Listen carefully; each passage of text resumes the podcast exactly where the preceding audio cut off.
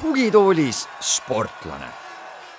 tervitus, head spordisõbrad, kuulate Õhtulehe raadiosaadet Tugitoolis sportlane. mina olen saatejuht Mart Reial ja mul on selline sisetunne, et täna tuleb keskmisest lõbusam saade, sest mul on täna, täna külas tänane vestluspartner, mees, kes ei ole suu peale kukkunud, olümpiapronks, neljakordne maailmameistrivõistluste pronks, neljakordne Euroopa meister ja ühe Euroopa meistrivõistluste hõbemedali omanik, sõudja Allar Raja. tervitus, Allar. tere päevast. no ütleme tõe huvides muidugi, et tugitoolist on asi kaugel, et me oleme siin Pärnu Kalevi sõudeklubis Mati Killingu kontoris vist saan aru ja istume täitsa tavaliste kontoritoolide peal, et, et, et seekord sedaviisi, aga see polegi nii tähtis. Allar, sissejuhatus oli mul ka selline, et oled võib-olla keskmisest äh, mõnusama jutuga mees, see on tegelikult, käib põhimõtteliselt kogu sõudekoondise kohta. mis värk sellega on, et kuidas teil nii hea selline hea jutuga mehed olete? no ise nüüd ei oska kommenteerida täpselt, kas, kas jutt on adekvaatne, lõbus või, või rumal, aga noh ma arvan, et äh, aju sagareid tuleb liigutada tänu ka sellele, et omavahel on treeninglaagrites ja, ja paatkonna siseselt üsna palju nii-öelda ka tögamist ja, ja tänu sellele peab õppima siis ennast väljendama ja oma seisukohtades seisma, et ennast äh, kaitsma. Ennast kaitsma nii-öelda ka jah, et ja kui teine annab võimalust treeningu käigus, siis tuleb ka puid alla panna nii-öelda läbi mõnusa huumori. no kes teil kõige kõvem naljamees on siis? No. palju kõige parem selles mõttes, et mitte kvantiteedi mõttes, aga kvaliteedi mõttes? no eks seal on äh, naljamehi nii tegude kui ka sõnavara poolest, aga, aga ütleme, et Kaspar on meil selline muidugi lahtise peaga loominguline inimene, kes äh, üldiselt võlgu, võlgu ei jää ja, ja kellele meeldib vahepeal võib-olla isegi liiga palju suud pruukida aga, aga ilma selleta nii-öelda ei pane ka nagu sportlase vaimu proovile, et, et on olnud laagris ka olukorda, kus, kus visatakse nalja ja, ja teemad lähevad seal noh, mõnikord ühe, mõnikord teise sportlase pihta ja üks sportlane üks hetk ei saanud aru, et, et asi on naljaga on tegu ja võttis söögilauas teemaks, et et kuulge, kui see nüüd nii jätkub, et, et te sellel teemal minuga nalja edasi teete, siis noh ma, ma ei tea, ei tee teiega koostööd, ühesõnaga võttis nagu teemaks ja siis, ja siis sai ka viisakalt öeldud, et, et vaata, noor sportlane, et kui, kui sellele lihtsale kriitikale või naljale eh, ei saa vastu panna või ei suuda nii-öelda siis sellega toime tulla, siis on väga keeruline nii-öelda tippspordis ja meeskonnapaadis nii-öelda läbi raskuste üldse nagu välja vedada, et, et see huumor nii-öelda on tõenäoliselt ka, tõenäoliselt ka põhjuseks või on ta tekkinud sellest, et kui treeningud on rasked ja olemine on raske, siis, siis huumoriga saad sellest nii-öelda võitu mingil määralgi. meenutab selline, sellist kaitseväe kogemust mulle endale. jah, eks äh, mõned paralleelid seal kindlasti ongi tõepoolest, et äh, mõni ütleb, et ei tea, kas kaitsevägi on aja raiskamine või mitte, siis mina ütlen, et et täpselt selle argumendi pärast tasub seal ära käia, et, et õppida ennast nii-öelda verbaalselt kaitsma ja ennast kehtestama ja ja osata mitte närvi minna teiste nii-öelda siis provokatsioonidele. no sa tõid juba ise siin selle iseloomu asja mängu, et küsin siis kohe selle ära, et mis, mis omadusi veel on vaja tippsõudjal? no ma arvan, tippsõudjal on vaja tõenäoliselt neid kõiki samu omadusi, mida igal teise spordiala tipul. et äh, noh, erinevad, tänaseks päevaks ei ole enam selliseid äh, klassikalisi kui, kui võtta nagu antropomeetrilised või kehalised võimekused, siis äh, peab panna need ka nende omaduste alla, siis, siis omal ajal mõõdeti kätesiru ulatust ja pikkust ja ja noh, juba see oli võimalik, et oli liiga lühike kätesiru ulatus, jäi koondise uks sinu jaoks kinni, et, et tänaseks päevaks on see kõik ümber lükatud, et äh, võidavad olümpiamänge ja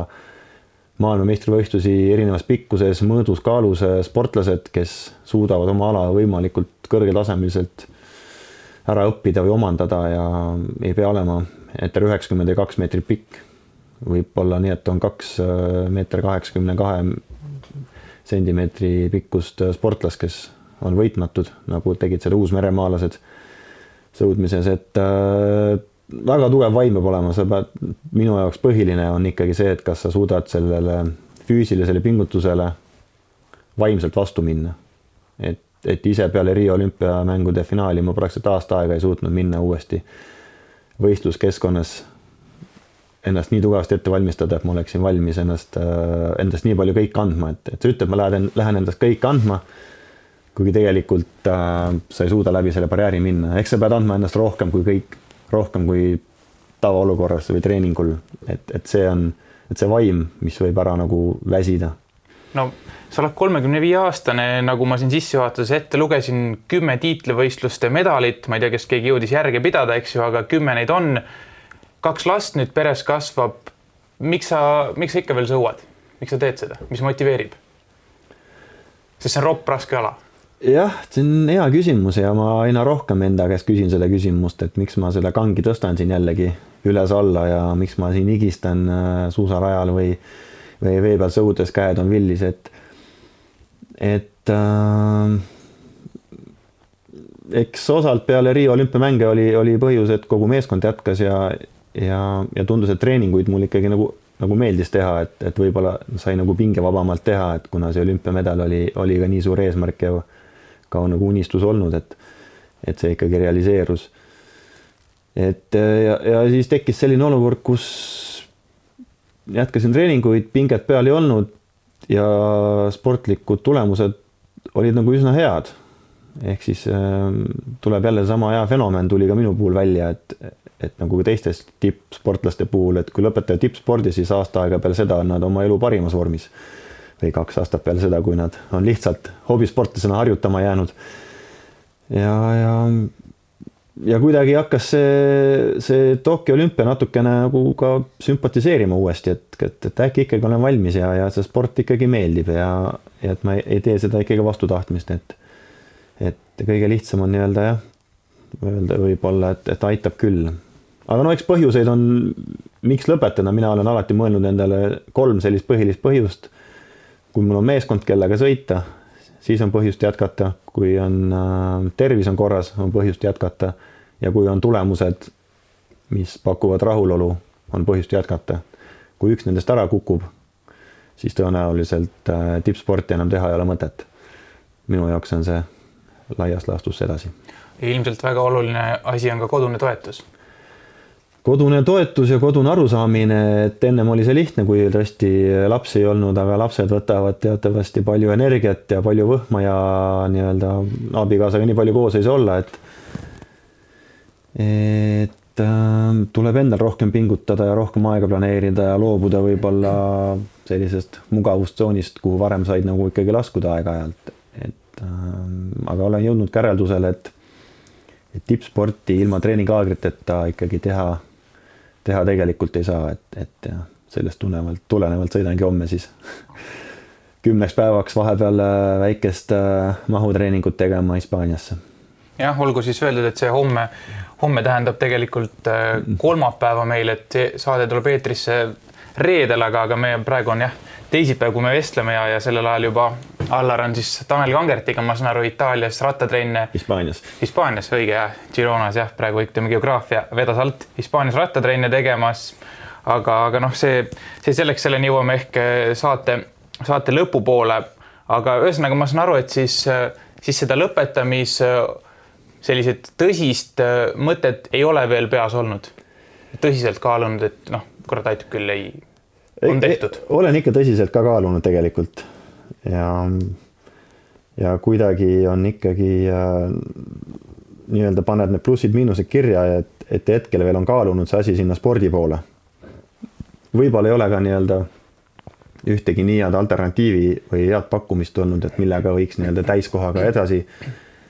tegeleda, kui sport enam ei ole nii-öelda tippspordi näol. et, et no eks ma niimoodi samm-sammult üritan jõuda lähemale tõele, mis see võiks olla, mida ma peale tippsporti teen, aga, aga on ka kindel, et ilma spordita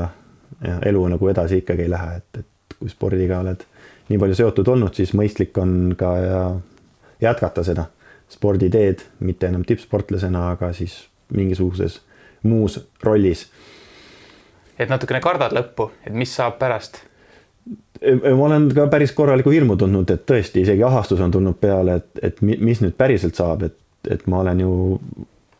fakt on ju see, et kui sa ei omanda väga tugevalt ühtegi teist oskust, siis sa peale tippsporti oled tagasi nii-öelda nagu gümnaasiumi lõpetaja või isegi veel kehvemas seisus.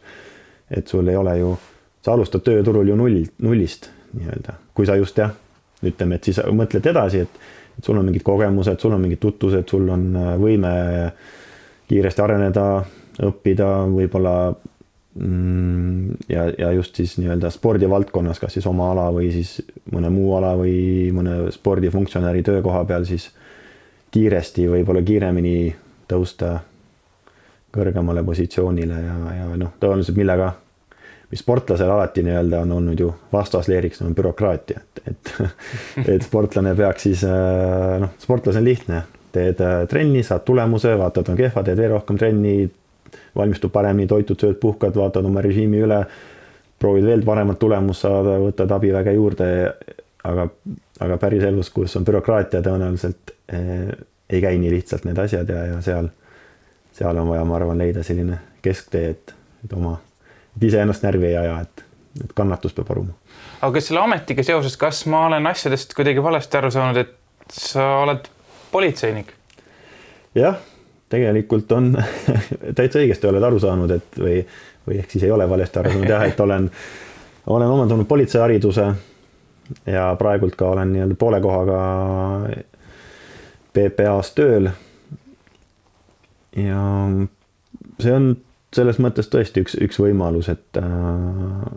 noh, mis nagu no on, on fakt ka see, et kui sa tahad nii-öelda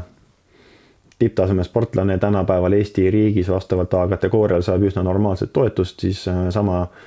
sissetulekut jätkata noh, hoovilt ei ole võimalik nii-öelda väga lihtsalt riigiasutustes, kui sa just ei ole mingisugune väga spetsiifilise eriala spetsialist siis, äh, siis tuleb ka selle peale mõelda, et pere tuleb ära toita, aga, aga PPA-s on omad hüved, on, on tänasel päeval minu, minu arust väga, väga head kolleegid. üsna hea võimalus nii-öelda areneda kõrgemale positsioonile ja, ja riigi palgad on nagu järk-järgult tulevad järgi nii-öelda noh, ehk nad on aina rohkem konkurentsivõimelised. küsimus on, kas see töö pakub rahulolu, kas see töö on piisavalt väljakutset pakkuv mulle mm, ma liiga palju sinna praegult sinna korvi mune ei lao, aga aga mõned munad olen sinna korvi pannud, et, et politseitöö võiks ka täiskohaga olla, olla teema, kui ma, kui ma tippspordi lõpetan. kas, kas sa oled nagu kogu aeg olnud politseis tööl spordi tegemise kõrvalt? või kuidas, kuidas see nagu ühildamine on käinud, sest justkui see kuvand on või nagu on, on kogu aeg nagu kaasas käinud, et ja et Allar Raja politseinik nii-öelda noh, nagu mõned on meil näiteks talisportlased on nii-öelda kaitseväe palgal, eks, et oled sa nagu kogu aeg olnud seal tööl siis? jah, ma tegelikult äh, see hetk, kui ma sain esimese tiitlivõistluste medali ehk kaks tuhat kuus MM-il pronksi, siis ma õppisin Sisekaitseakadeemias. et kooli kõrvalt oli, ütleme akadeemias õppides oli väga hea nagu sporti teha. et kaks aastat Paikusel, kaks aastat Tallinnas, kool ja treeningsaalid olid kõik nii-öelda sama territooriumi peal üldfüüsilisi treeninguid oli hea teha. laagrites sai käia, oma asi oli, kuidas kooli asjad olid korras, õppetöö kokku lepitud.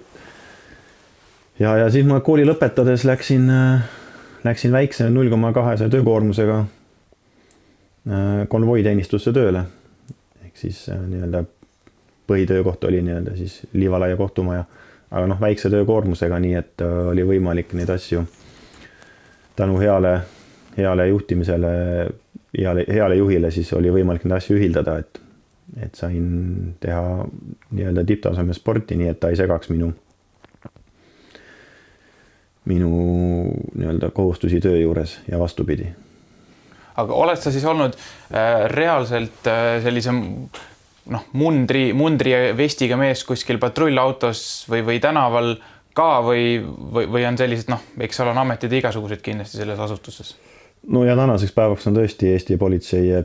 Piirivalveamet niivõrd suur asutus, et seal on, äh, seal on väga palju valikuid, kuhu, kuhu suunas liikuda, aga aga no mina patrullpolitseinikuna tööl ei olnud, ainult praktika. Aga jah, mina olin konvois, ehk siis seal samamoodi oli vaja nii-öelda kanda täisvarustuses vormi, nii-öelda välivormi. ja eri, erivarustust ja erivahendeid ja samamoodi siis teha ära ka nii-öelda enesekaitse ja muud, muud koolitused ja eksamid. ja no tänaseks päevaks peale Riia olümpiamänge siis ma muutsin struktuuri ja läksin siis Põhja prefektuuris alt tööle Politsei- ja Piirivalveametisse. siis äh, ja valmisoleku reageerimisbüroosse, kus ma siis, kus ma siis äh, politseisporti juhin ja arendan siis seda, seda siis osaliselt läbi Eesti Politsei Spordiliidu. ehk siis, et nii-öelda juba nagu, juba nagu ühilduvad nii-öelda sport ja töö tegelikult minul, mul päris hästi, et. et ühesõnaga, kas, kas Allar Raja on ka mõne päti kuskilt linna pealt kinni püüdnud, siis ma saan aru, et praktika ajal sa käisid või, või, või kuidas? No ikka on, viimati oli juhtum, kus ma läksin ja see on küll muidugi naljakas lugu, aga aga lõppkokkuvõttes ta ei pruugigi nii naljakas enam olla, et, et, et äh, nägin, kuidas äh, kooli kõrval alaealised siis äh, lõhkusid pudeleid. ja läksin neid korrale kutsuma. see oli nüüd hiljuti siis? no see oli nüüd aasta tagasi ja siis see kamp jooksis laiali, ühel tüübil sain kratist kinni, ütlesin, kas koristad üksi või kutsud sõbrad appi ja nad siis tulid tagasi, kõik need väitsid, et nad ei oska eesti keelt ja räägivad ainult vene keelt siis ma üritasin neile vene keeles selgitada, siis üks tüüp hakkas rääkima eesti keelt, ma ütlesin nii, nüüd siis tõlgid oma sõpradele, mis tegema peab. ühesõnaga tegelikult oli arusaadav, nad kõik tulid Eesti koolist ja rääkisid eesti keelt, lihtsalt hakkasid manipuleerima. ja see olukord ühesõnaga lõppes siis nii, et äh, et vaidlesime seal ja jagelesime natuke aega ja siis äh, üks tüüp, poisike oli seal väga aktiivne. Noh, ühesõnaga kolmeteistaastane poiss võib olla ka juba tegelikult minupikkune ja kui nad on seal nelja-viiekesi, siis siis no ühesõnaga ma ei tundnud hirmu. Aga, ja, ja igal muul juhul mõni teine ilmakodanik oleks võinud seal juba võib-olla hakata tundma hirmu, kui sinu poole lendavad äh, poolikud telliskivid või siis kaigastega üritatakse sind lüüa, et et äh, kutsusin patrulli järgi ja ühesõnaga need äh, noormehed, kes siis tulid välja, keskmine vanus oli kolmteist, oli kolmteist, siis said, said nii-öelda siis tõenäoliselt alaealiste komisjonist ja kuskilt siis üldkasulikku tööd või midagi sarnast, aga aga ütleme, et see on nagu naljakas, et käisin kolmeteistaastaste poistega võitlemas, kuigi tegelikult kokkuvõttes ega nemad enam vahendeid ei valinud ja tuli ikkagi kasutada jõudu ka. täitsa, täitsa läkski nagu action'iks, mitte no, siis. Läks reaalselt ikka nii-öelda hakati ju käsi väänama ja üritati lüüa ja noh, saingi kiviga reaalselt nagu vastu nägu, et niimoodi, et ma igaks juhuks käisin ka EMO-s kus ma siis kohtasin kahte veel, kahte järgmist noormeest, kes ütlesid, et neil oli umbes, kuna ma hoidsin seal valuvõttega kinni ühte ja teist, samal ajal siis teist tüüpi veel siis, et, et neil natuke õlg või käsi valus, aga tegelikult neil ei olnud midagi häda. Nad tahtsid ka siis võib-olla kaebust esitada, ühesõnaga kõik lahenes nii, et kõik tunnistasid üles jah, et nad tegelikult tegid jama ja ja neil vabandavad ja, ja nii edasi, aga, aga ma ütlen, et et noh, see ei ole midagi sellist kriminaalset või et ma oleksin päriselt ajanud taga mõnda mõnda tõsist. Äh, päris filmistseene pole olnud? no päris nii. autoga tagaajamised või, või kuskil midagi muud, relvalasud, noh, sellised nagu me ikka filmidest teame, et. no relvalaskus õnneks on Eestis suhteliselt minimaalselt ja, ja ei ole olnud ühtegi olukorda tõesti ka praktika ajal, kus oleks pidanud, kus oleks pidanud tundma hirmu või relva välja võtma, et äh, noh, küll on olnud jah, peretülisid ja keegi on seal nii-öelda nooga ähvardanud ja on kuidagi taga ajanud ja, ja on vastu hakatud. Ja eks siinsamas sõudeklubi hoovi peal on päris mitu korda olnud maadlusolukordasid, kus, kus tulevad suitsetavad noorte või vähem või vähem mitte nii noorte kambad siia siis ennast hästi tundma ja siis juhid tähelepanu, et see on spordikeskus, kus nagu politseinikuna siis nagu ikkagi reageerid ja, ja ka oodatakse, et ma reageerin ja ka teinekord isegi treenerid helistavad, et kus ma olen, et et, et ja siis neid korrale kutsudes nad tahavad ju hakata jõudu katsuma ja kes on kes ja nii edasi, et siis siis olen nii mõnigi korraga siin pidanud, mõnegagi pidanud siin maadlema ja õnneks Pärnu patrullid on päris hästi reageerinud, kiiresti kohale tulnud, neil on koht teada ja ja on, on nagu hästi, hästi välja vedanud. et kui on, võib-olla me teame siin, kes on niisugused filmisõbrad või teleseriaali huvilised, siis on olemas Texase korravalvur, et siis sina oled nagu Kalevis sõudeklubi korravalvur. no ma eeldaks üldse jah, no muidugi hoian Mitte oma, oma ja selles mõttes naljaga pooleks võib, äh, peaks olema igas, igas koduklubis seda kasutavatel isikutel nii-öelda väikene tunnetus, et, et, et hoiaks, korda peaks nagu majas hoidma, et ma nagu siinkohal kutsun üles nii-öelda üleüldiselt inimesi enda ümber panema rohkem tähele või juhtima tähelepanu selle peale, mis nagu ühiskonnas tegelikult ei ole okei okay,, et samamoodi ma olen noorest peast ju võib-olla proovinud suitsu ja proovinud napsu, samal ajal teades, et seda ei tohi teha. ja kui tean, et kui on vahele, siis saan karistada ja nii ongi. tänapäeval lihtsalt, tänasel päeval lihtsalt on see ohutunnet ei ole noortel või süüdimatuse tunne on peal, et, et. kui nad jäävad vahele, siis läheb pigem, et teeme väikse maadluse. kas teeme maadluse või et mis, miks sa üldse kutsud või mis, mis õigusega sa mulle ütled, et hakatakse mingeid õigusi taga ajama mm, -hmm. siis noh, annadki valida, et mul siin aegadega vaielda ei ole, kas viime politseijaoskonda ja siis räägite ise oma asjadest seal või siis murrame suitsu pooleks ja läheme rahulikult laiali, et et äh, jah, sellist kodanikualgatust äh, keskkonna võib-olla korras hoiu, hoiu peale ma ikkagi, ikkagi sooviks rohkem näha mm. -hmm. aga päris nii-öelda siis äh, erialaselt ei ole nii-öelda sinna põllule kippunud või pole lihtsalt praegu juhtunud, eks on olnud teised tegemised? ei ole juhtunud, äh, nii-öelda noh, põnevust võiks küll pakkuda, no ka Lääne prefektuuris Pärnusse tehti nii-öelda kiirreageerijate üksus, kus oleks nagu väga mõnus nii-öelda kätt proovida kus on eriväljaõpped ja kõik nii-öelda põnevad asjad, mis poistele võiks meeldida. võib-olla tagaajamised ja relvad ja sihuke enesekaitse ja kogu selline sinna juurde käiv tegevus, et aga, aga tänasel päeval jah, ütleme tippspordi poole pealt siis ikkagi katsud leida võimalikult mugavaid tegevusi, et sport ei saaks kannatada, sest vastasel juhul ei ole, jääd täpselt sinna parimate tulemuste ukse taha, et oleksin olnud võib-olla kümme korda neljas oma karjääri jooksul. jah, no eks see maadlemine vist läheb noh, debattidega maadlemine nii-öelda läheb vist sinna rubriiki ka, et nagu tippsportlastel, et noh, ei, ei ole mõtet igasuguseid selliseid ekstreemspordi variante proovida, et noh, lihtsalt puhtalt võib juhtuda niisugune loll vigastus. jah, see on tõesti kogu aeg teema olnud ju, näiteid on erinevad, kus tippsportlased on oma nii-öelda nii-öelda lollustega siis saanud väga kehva vigastuse ja olen ka ise seda kogenud. aga teisalt ma nagu ütlen alati ka vastu seda, et, et äh, mina näiteks ei saa noh,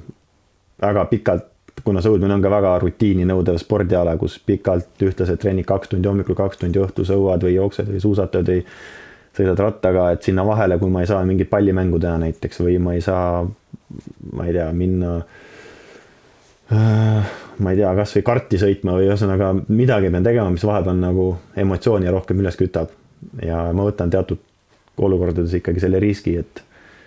et ma ei ole elus ühelegi asjale selles mõttes ei öelnud, et kui on võimalik proovida autorallit või on proovida võimalik, ma ei tea, mis need ohtlikud asjad on, mingisugune lumelauda või rattaga downhill'i sõita, et siis ikkagi ma olen, olen need ära accept inud ja ära teinud ja lihtsalt kõrvad vahel peab selles mõttes olema kaine mõistus, et oma piire pead nii-öelda tunnetama. kas see nüüd oli suvaline näide või ma saan aru, et sa oled autorallit proovinud? no selles mõttes ikka, aga Sindi lähedal on Toris on ju nii-öelda ringrada, krossi, krossirada, kus saab siis autoga nii-öelda paarutada ja ennast proovile panna, et mitte siis, et mitte seda teha liikluses või, või jäärada sõita, et kõik sellised tegevused on ju et ühesõnaga, ühesõnaga ringrajal mitte, mitte nii-öelda Ott Tänaku kombel kiiruskatsed ja noh, see, see nii-öelda klassikaline ralli. ei, sellist asja jah, mhm. pigem mm -hmm. sellisel juhul ainult kõrval olen istunud äh,, Pärnu poisil Egon Kauri kõrval olen istunud ühel etapil kõrval siis lugesid nagu... kaarti? või no, kaardi, kaardilugeja oli talle juba selle raja pähe õpetanud ja ma istusin kõrval, kui ta seda sõitis ja ma sain aru, et, et äh, tasemevahe on nii suur, et ma isegi ei saa sellest füüsikast aru, kuidas seda autot juhitakse, et et, et noh, ka see on nii-öelda asi, mida sa noh, seal on oht olemas, aga samas on see oht ikkagi minimaalne, kui sa istud profi kõrval, et aga kuidas oli siis, rallisõitjad ise räägivad, et need kaardilugejad on noh, siis sa küll ei lugenud, aga sa olid seal samal istmel, et need on ju, need on nagu veel sõgedamad peast, et kuidas nad julgevad tulla sinna, et kui neil pole isegi rooli ole enda käes, et noh, lihtsalt täiesti teise inimese nii-öelda kätes oled. kuidas see kogemus oli?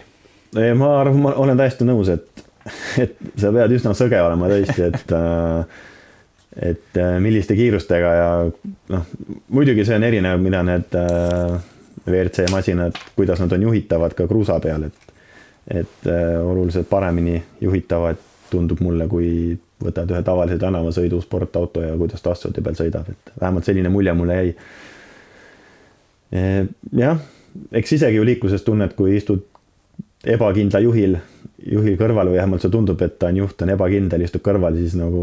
oled palju rohkem närvis kui, kui mis tahes muus olukorras, et, et kõrval istuda on tõesti selles mõttes kehva, et sul ei ole rooli et oli niisugune konst-, noh, ma ei kujuta ette, mitu minutit see asi kestis, aga ta oli niisugune suhteliselt konstantne hirmutunne. no selline või... segamini, adrenaliin ja põnevus ja ka aeg-ajalt hirm, kui ikka sellise suure hooga sõidetakse pimedasse kurvi, sa isegi ei näe, kuhu poole see läheb ja siis käib mingis viimase hetke pidurdus, autole antakse suund kätte ja siis minnakse sellise hooga läbi, et selg ja pea, pea on ainult äh, nii-öelda istmes kinni, et et see on päris äge, no sealt alati saab kuidagi teha paralleeli, kui vastik on treeneril vaadata kalde pealt võistlevaid sportlasi või mis tahes siis sportlasi, kui sa oled nii-öelda treener ja sa ei saa mitte kuidagi enam kaasa aidata sportlasele. lihtsalt pead vaatama pealt ja lootma, et nad tulevad toime oma ja teevad oma parima, ja, ja see realiseerub mm. -hmm. no lähme tagasi sõudejuttude juurde, et äh, sõudmine on ikka no ütleme, see ei ole tegelikult mitte kõrvalt vaadates, aga noh, see on, see on nagu fakt, et ropp raske ala, et umbes noh, ütleme ümmarguselt kuus minutit äh, täiesti punases. põhimõtteliselt see pingutus on nagu nii karm konstantselt esimesest meetrist kuni siis kahe tuhandenda meetrini.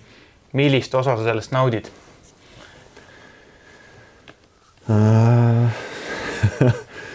see on, äh, naudid siis, kui äh, suures paadis tehniline sõit nagu kokku, kokku jookseb. et kui sul on vorm on maksimaalselt hea ja sa oled heal positsioonil sõidu ajal, siis sa seda pingutust niivõrd nagu ei tunne. et sa paned nagu juurde, et see adrenaliin nagu kerib sul rohkem peale, et sul läheb hästi, sa näed, sa liigud teistele eest ära. meeskonnatöö on hea, nii-öelda tekib selline mingi supervõime nii-öelda või ma arvan, et see ongi nii-öelda siis nagu nii-öelda flow tekib kui sa tehniliselt hakkad hästi seda sooritust tegema, sa nagu hakkad iseennast eemalt nägema, kuidas see, kuidas sa seda teed ja kuidas see paat liigub, et et see on nagu ainuke võimalus, et sa naudid seda, mis sa teed. aga, aga ütleme, et neid sõite liiga palju ei ole. enamasti on ikkagi nii, et kus sa nagu võitled. Äh, loogiline no, keha versus siis nii-öelda see mõistus, mis sunnib sind siis pingutama, et seal on kogu aeg selline väike error et äh, noh, võid nautida starti, ütleme, kui start tuleb hästi välja, oh, läks hästi, aga kahesaja meetri peal. siis on veel kerge. jah, ja ka kahesaja, kolmesaja meetri peal sa tunned juba esimest nii-öelda, esimest laktaati hakkad tundma, ütleme viiesajandal meetril. veerand distantsi peal on see laktaat korralikult kohal ja esimene see kangestus on peal, siis ainult aitab ainult see, et sa tead, et see läheb nii-öelda natuke paremaks või keha harjub selle laktaadiga, et keha hakkab seda laktaati ümber tootma, et, et noh, see hetk juba keha ütleb, et nüüd on juba kõik, aitäh tegime maksimaalse pingutuse ja siinkohal lõp lõpetame. ja siis sõidad äh, veel viissada meetrit, jõuad kilomeetri peale ja mõtled, et kui siin oleks olnud finiš, siis ma oleks öelnud, et see oli minu üks parimaid sõite ja polekski rohkem jõudnud panna, aga tegelikult algab distantsi teine pool ja, ja siis hakatakse alles päriselt äh, võidu sõitma. ja ühesõnaga siis tuleb nii-öelda veits hulluks minna, et, et äh, tulebki minna, noh selleks hetkeks oled juba nii piirajas, et, et võib-olla sa saadki nautida siis seda, et, et sa lähedki üle, üle selle piiri. et sa lihtsalt äh, sildu põletades hakkad lihtsalt suruma ja suruma ja suruma ja sa lihtsalt pead selle kolm minutit, mis on jäänud siis nii-öelda kuidagi ära kannatama. noh, mõnikord on nii, et kannatad kaks minutit ja kukud lõpus täiesti, täiesti ära, et, et ei jõua, ei jõua enam üldse nagu paadi loogu anda. mõnikord on nii, et,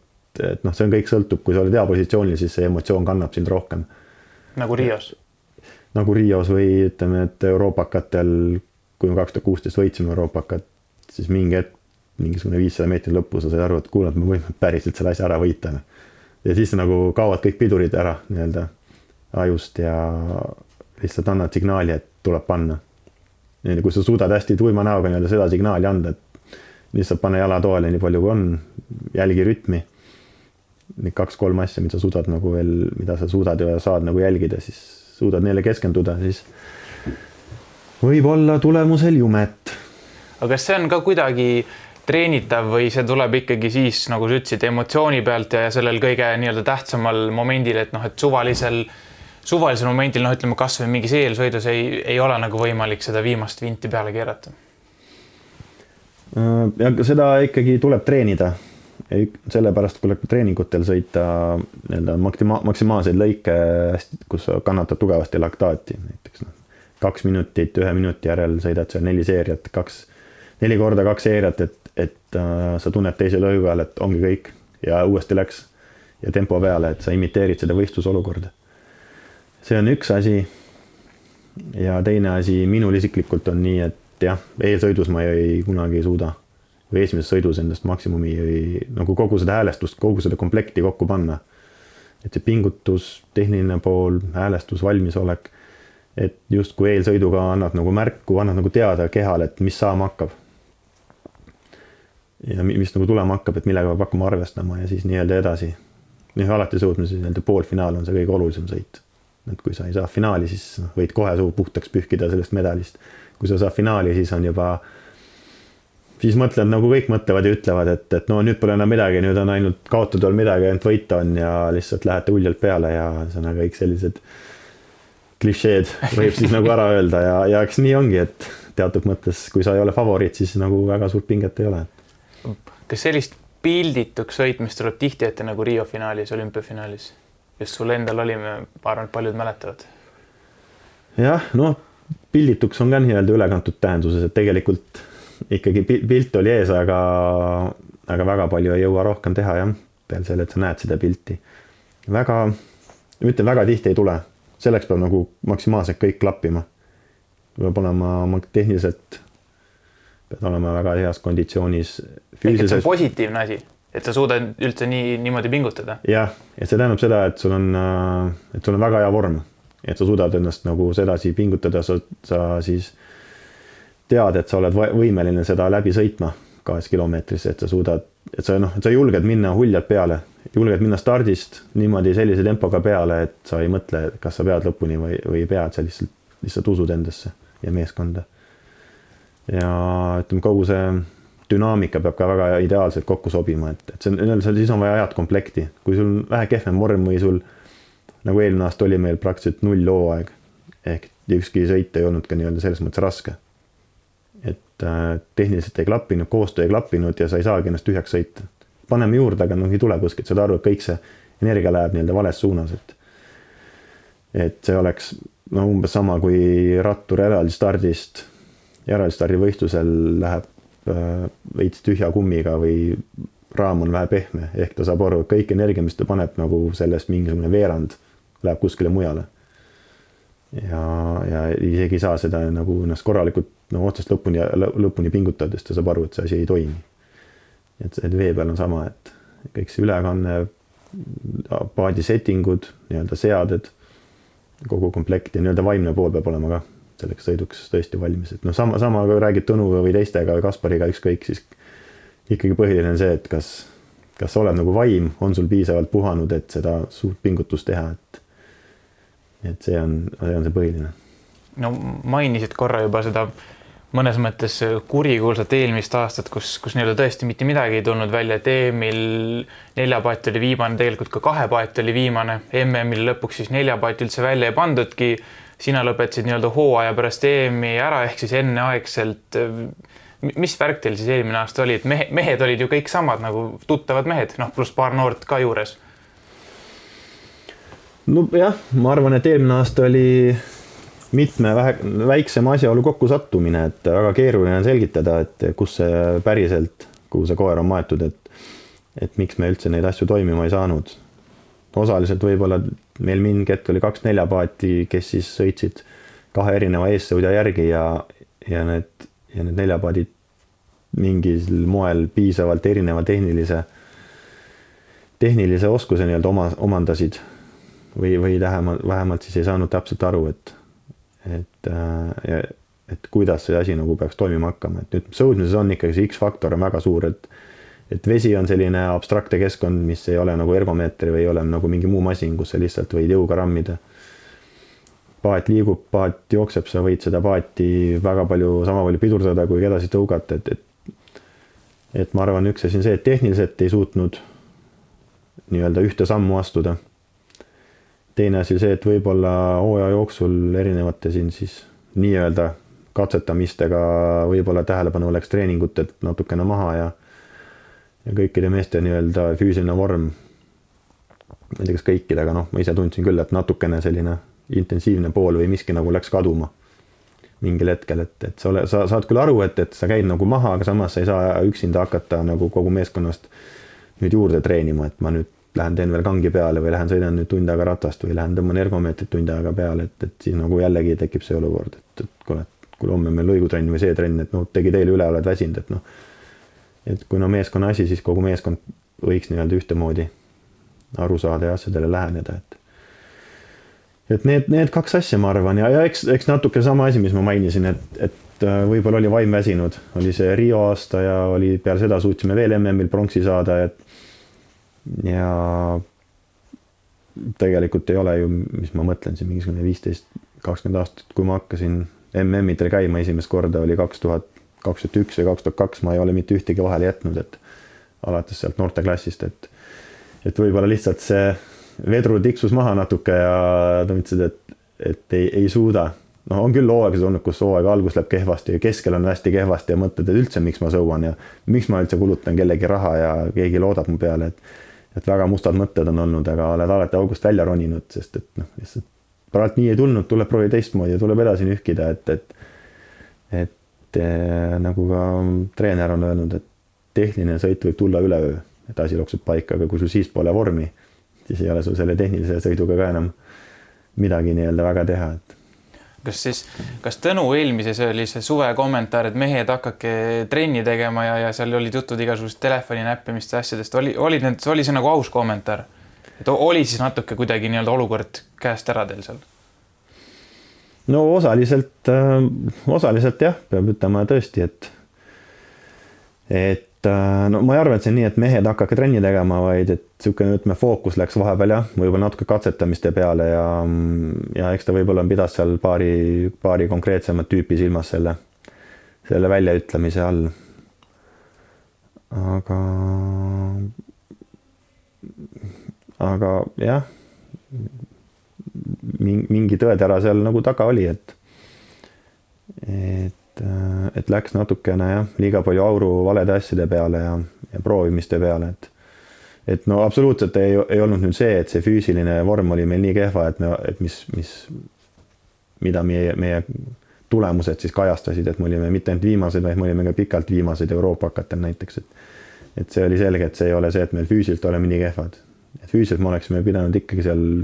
noh, mingisugune esimese kaheksa hulgas olema näiteks aga mis värk nende katsetamistega on, et tegelikult neid noh, ma ise olen, ütleme siin neli-viis aastat olnud, eks ju, spordiajakirjanduses, aga, aga ma olen aru saanud ka ajaloost, et noh, et see on ka varasem teema, et iga kevad ja, ja tegelikult suve esimene pool saab neid lugusid kas kirjutada või lugeda, oleneb, eks ju, enda nii-öelda rollist ühiskonnas.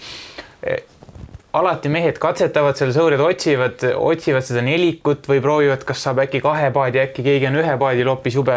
jube kõva mees, aga lõpptulemus on olnud äh, tavaliselt ikka sama, on samad mhm. mehed, Raja, Raja Taimsoo, Hendrikson ja Jämse, noh, nüüd on olnud paar erandit siin viimasel aastal, Kaur Kuslap oli, eks ju,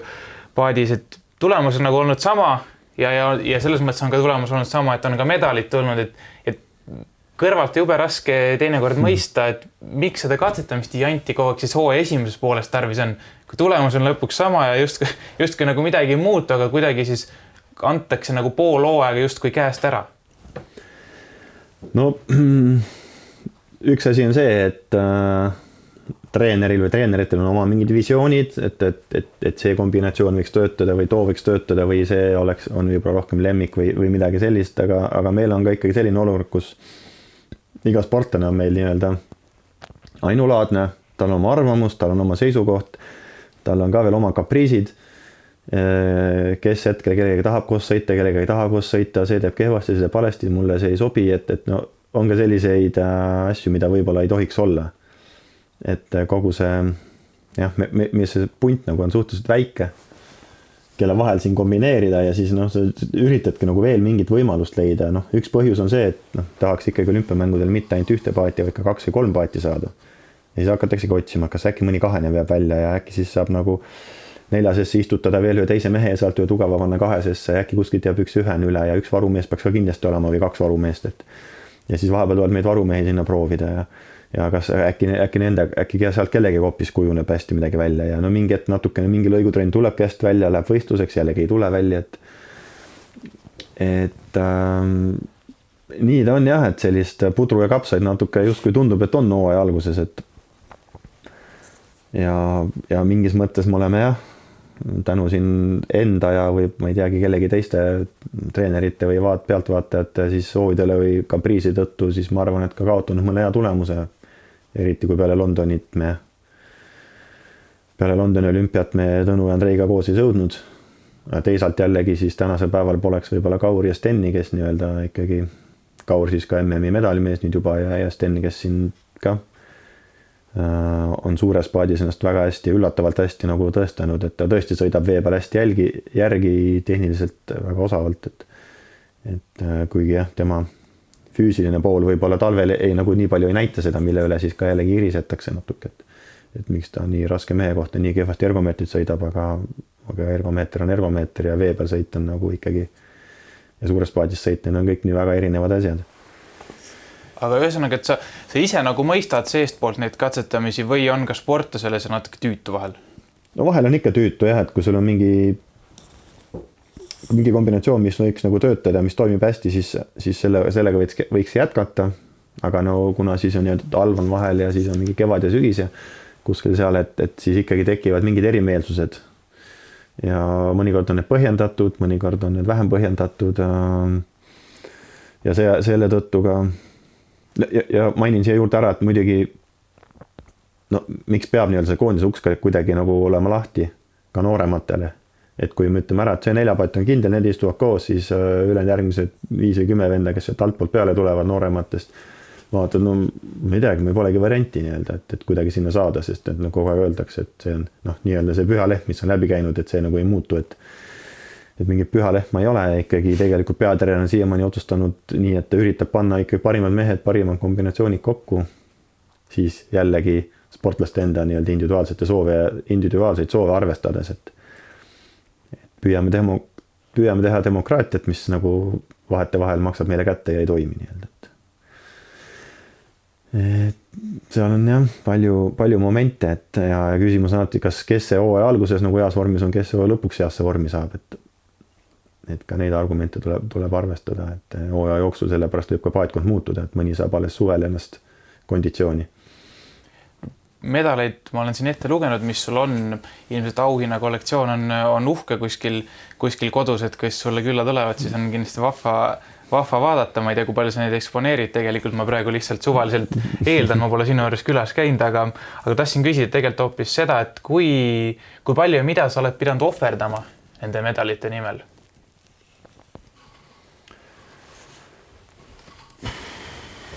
no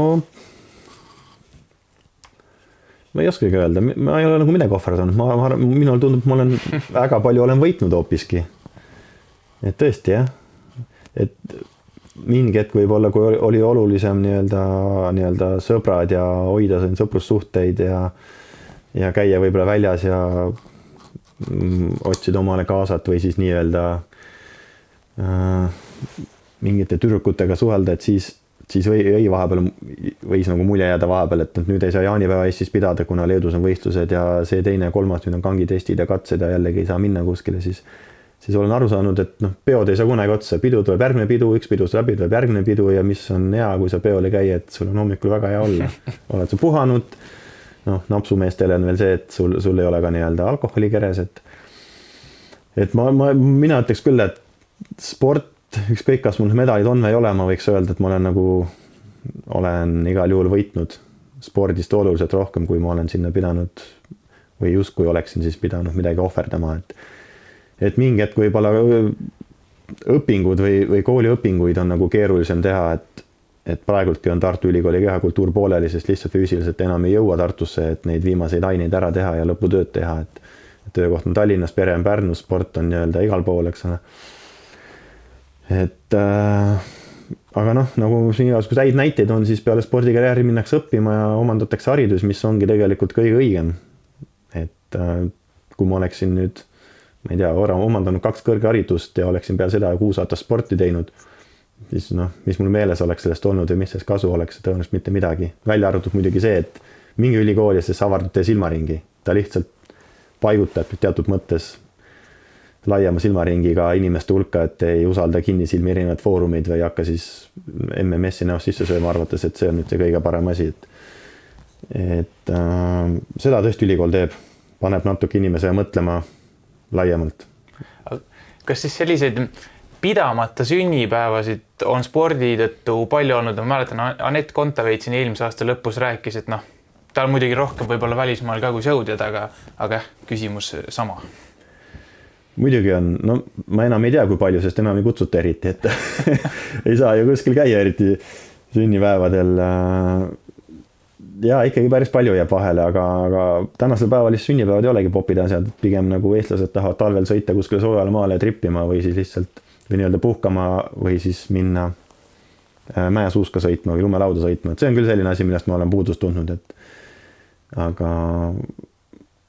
aga neid võimalusi tuleb küll ja veel, et, et et tippsport on see periood, mida sa väga eluaeg teha ei saa ja peale seda siis nii-öelda hakkad tagant, no mul ei olegi tagantjärgi midagi teha, et mul hakkan nüüd siin mingeid ekstreemsusi tegema, et ma olen üsna palju teinud oma elus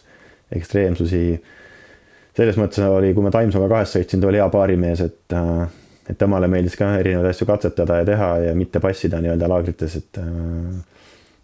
et see, see duo oli nagu selles mõttes põnev, et, et toas, toas vahtimist ei olnud kui läksime Austraaliasse, siis seal mingi aeg ma mäletan, paadid konteineritega kohe ei tulnud, tegime hommikul mingi trenni ära, päeval läksime surfama või siis mängisime golfi või ühesõnaga võtsid sellest olukorrast maksimumi. ehk siis olid liikumises, mitte ei olnud kükitanud toas ja mõelnud, paati ei ole, mis nüüd saab või MK tuleb kahe nädala pärast, et tegelikult nii-öelda see mõjub nii hästi sellele vaimule, kui sa ikka lähed oma rutiinist lähed välja, et et seda ma pean, pean oluliseks, et ma jah, ma natuke jah, alati veits ise võib-olla ironiseerin nende sportlaste kallal, kes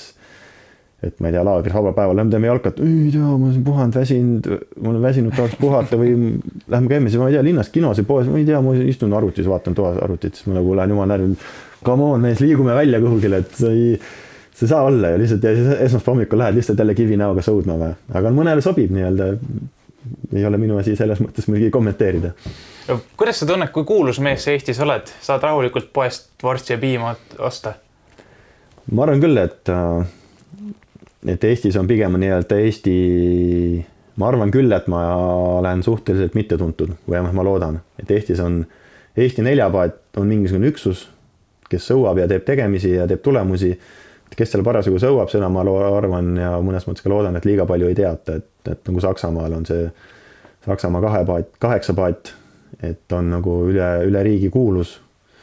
aga mehed vahetuvad paadis kogu aeg, ehk siis nii-öelda Eesti neljapaat on võib-olla see, millest räägitakse sellises kujunduslikus mõttes, et et ja niivõrd palju isikut minuna ei teata, Pärnus muidugi jah, teatakse, aga Eesti inimene ei julge ju midagi öelda niikuinii, et suht rahulik on. Nii et väga palju pilte ja, ja sellist asja tegema ei pea, kommentaare jagama nii-öelda. väga palju ei pea, no aeg-ajalt, kui käid väljas, väga tihti käid, ütleme, et ühe või kaks pilti kellegagi teed koos, aga siis on ka nii, et kuule, mul ka vend, kes sõudmas või ma sealt kuskilt käisin ka sõudes spinningus, et teeme nüüd, ma näitan oma sõpradele, et aga ei ole liiga palju tõesti. eks pigem siis kuidagi oled üllatunud isegi, kui keegi tuleb, et oo, Allar Raja sõudja, et teeme pilti, värki, et see on pigem niisugune siis nagu üllatus, et. pigem on üllatus, ma ikkagi jah, tavaliselt nalja mõttes nagu testin ka neid, et, et kindel, et sa ei mõtle Andres Rajat või mingit mõnda, mõnda teist sportlast, et tead ikka, mis alaga ma tegelen sinu arust. Ja siis nad ikka, kui nad, kui nad teavad, siis nagu olen nõus, et et äh, katsun natuke testida ka, aga ei, jah, ei tore on tegelikult muidugi, mõnes mõttes on see väike kompliment, et et äh, tulge ikka pilti tegema, ise lähen ka, kui näen kedagi toredat, kellega tahaks pilti teha ja kas oli kuidagi selles osas see olümpiapronks mingi murdemoment, et mulle tundub, et Eesti ühiskonnas see olümpiamängud on ikkagi kuidagi nagu veel eriti pjedestaalile tõstetud, et kes sealt nagu medali ära toob, siis noh, selles mõttes, et surmani sangar. absoluutselt oli see murdekoht, et ma võiks kõik ülejäänud oma tiitlivõistluste medalid anda ühe olümpiamedali vastu ja ma olen seda kogu aeg öelnud ja ma olen siiamaani, olen sama meelt, et et oleme spordialast, ma arvan, et tennises ja jalgrattasõidus noh, ei ole see nii suur teema, see olümpiamedal, kuna neil on oma suured tuurid ja Grand Slamid.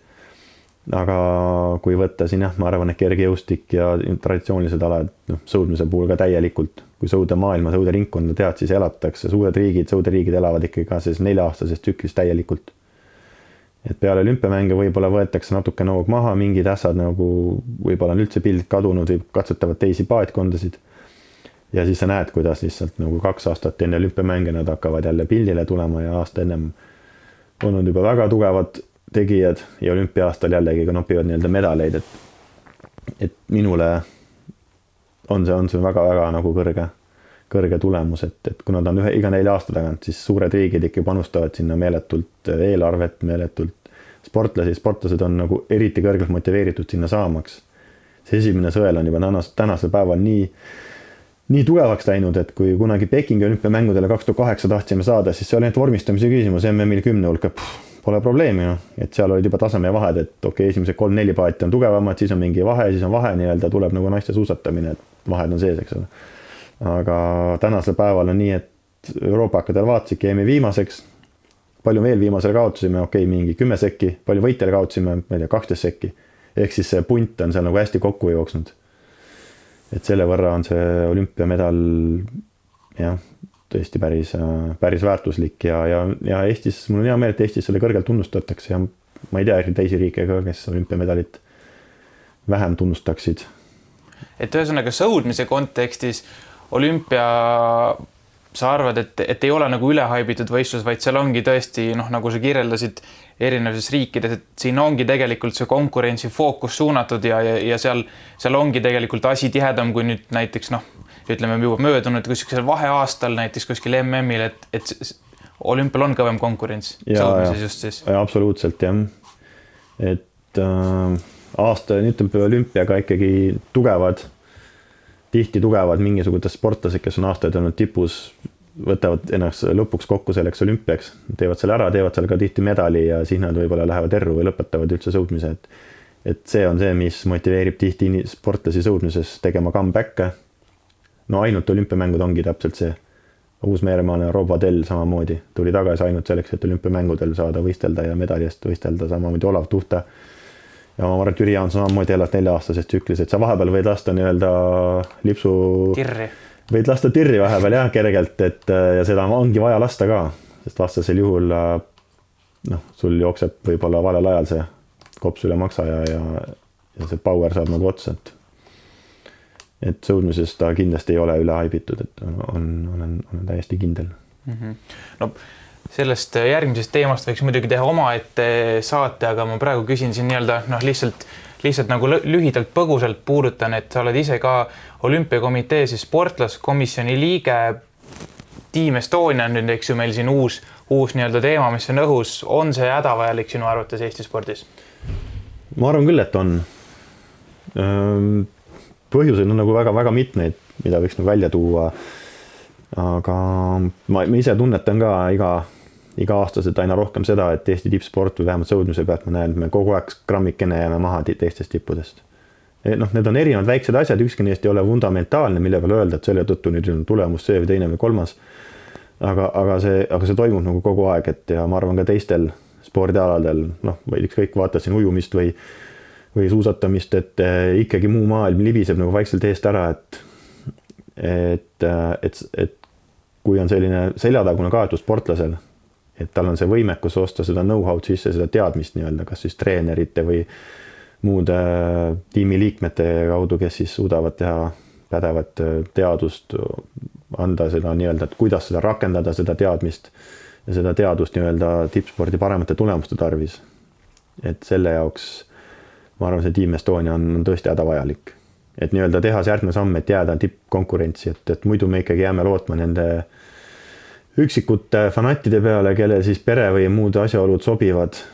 et, et tippu jõuda, et äh, just sel viimasel Team Estonia koosolekul Urmas Sõõrumaa tõi ka hea näite, et mingi hetk oli Anett Kontaveidiga samal tasemel mängijaid viis, viis tüdrukut.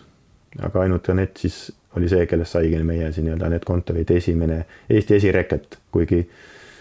kuigi neid võiks olla meil siin päris mitu, ütleme top sajast siis viis tükki või näiteks. Aga lihtsalt temal oli ikka fanaatiline, fanaatilised perekonnaliikmed, onu või keegi, kes olid valmis nii-öelda panustama, leidsid lõpuks keegi, kellegi toetaja. kui sul aasta eelarves nii-öelda sada tuhat ei ole nagu taustaks olemas, siis, siis sa jäädki grammike maha, maha, maha ja see vahe ei pea suur olema, aga sa oled juba tipust väljas, et et ma loodan, et see valitsus nii-öelda näeb selles asjas samamoodi potentsiaali, et, et läbi selle Team Estonia siis äh, hoida Eesti tippsporti tasemel, läbi mille siis tutvustada Eestit. sest tõesti, tippsport on ainuke asi, millega me oleme maailmas võimelised täiesti konkurentsil, konkurentsilises mõttes olema samal stardiplatvormil. ja noh, muidugi läbi tippspordi ikkagi on, on see liikumisharrastuse ja liikumise propageerimine, noh, see on nagu nii oluline, kuidas need sangarid mõjuvad ikkagi noortele, et, et äh, ma, siin ei ole vaja näite väga palju no, tuua. mõne sangariga tahetakse maadelda. no täpselt, ükskõik mis, mis kujul see nagu välja tuleb, et see, see sangari kasutegur, aga, aga see on, see on fakt, et, et tippsport, ma arvan, on, on ühele endast lugupidavale riigile ülioluline. no saate siis ma küsiks viimase küsimusena, kas me peaksime Eestis mõnda ala või noh, mingeid alasid siis eelisarendama äh,? Niikuinii me arendame teatud alasid eelisjärjekorras, need alad, kus on nii-öelda tulemusi, kus on kandepinda ja kus on ka, kus on ka tra traditsioone, et äh, see kujuneb iseenesest loomulikult välja. et äh, EOK-l on vist noh, lihtsalt statistilises mõttes on võetud välja, et, et laias laastus tulemusi tegevad te, te, teht-, alaliidud, mis teevad kõrgeid tulemusi, neid ongi mingisugune, ma ei mäletagi, tsipa üle kümne vist ja paratamatult vastavalt tulemustele on ka toetused ja need alaliidud ongi nii-öelda tugevamad ja suuremad, läbi mille siis tuleb ka nii-öelda parem nii-öelda areng, areng nendele, nendele spordialadele, et et aga jah, mõne, ütleme, et jah, ei tahaks kedagi välja lükata, aga ma arvan, mingis võtmes tuleb teha, tuleb teha valikuid. Sest meil on, ma ei tea, mingisugune sada viiskümmend alaliitu Eestis, et kui me kõiki neid võrdselt toetame, siis me lõpuks oleme igal pool heal juhul keskmisel, et et äh, või siis loota üksiküritajatele, et et see on jah, selline pikem filosofeeriv, filosofeerimist vajav küsimus, et, et kas ja mis alasid ja mis alusel ja aga, aga ma arvan, et pigem nagu mõnedele rohkem ja võib-olla neid alasid aeg-ajalt vahetada. Need, mis on tipus, neid nagu edasi toetada, nagu vehklemine on ja kergejõustikus tulevad isikud peale ja samamoodi ma loodan, et sõudmises, kui nüüd nii-öelda meie see kamp siin lõpetab, kes siin praegu tulemusi on teinud, et seal noortes, noortes on tegijaid, igal alal noortes tegijaid, aga kas need, kas seal ka need asjaolud, mis millegipärast takistavad nendel see pikka, pikka rutiinse töö tegemist ja ambitsiooni tippu jõudmaks, et, et neid sinna vahele ei tule, et siis on ka sõudmine, ma arvan, üks nendest aladest, mis võib-olla võiks Eesti inimestele rõõmu pakkuda. no loodame, Allar, suur tänu, et leidsid siin ikkagi kiirel ajal veel enne, enne laagrisse minekut tunnikese aega, et et minuga siin juttu puhuda oli, ma arvan, et oli keskmisest lõbusam, nagu ma lubasin, vähemalt lõbusaid seiku oli, oligi tõsisemaid muidugi teemasid nii et egas, egast muud kui, kui tegusat aastat, ilusat laagrit ja, ja loodame, et varsti saame jälle siis häid tulemusi raporteerida. no ise loodan ka, aitäh sulle. ja aitäh ka kuulajatele, olge mõnusad, tehke sporti ja, ja kuulake meid jälle oh..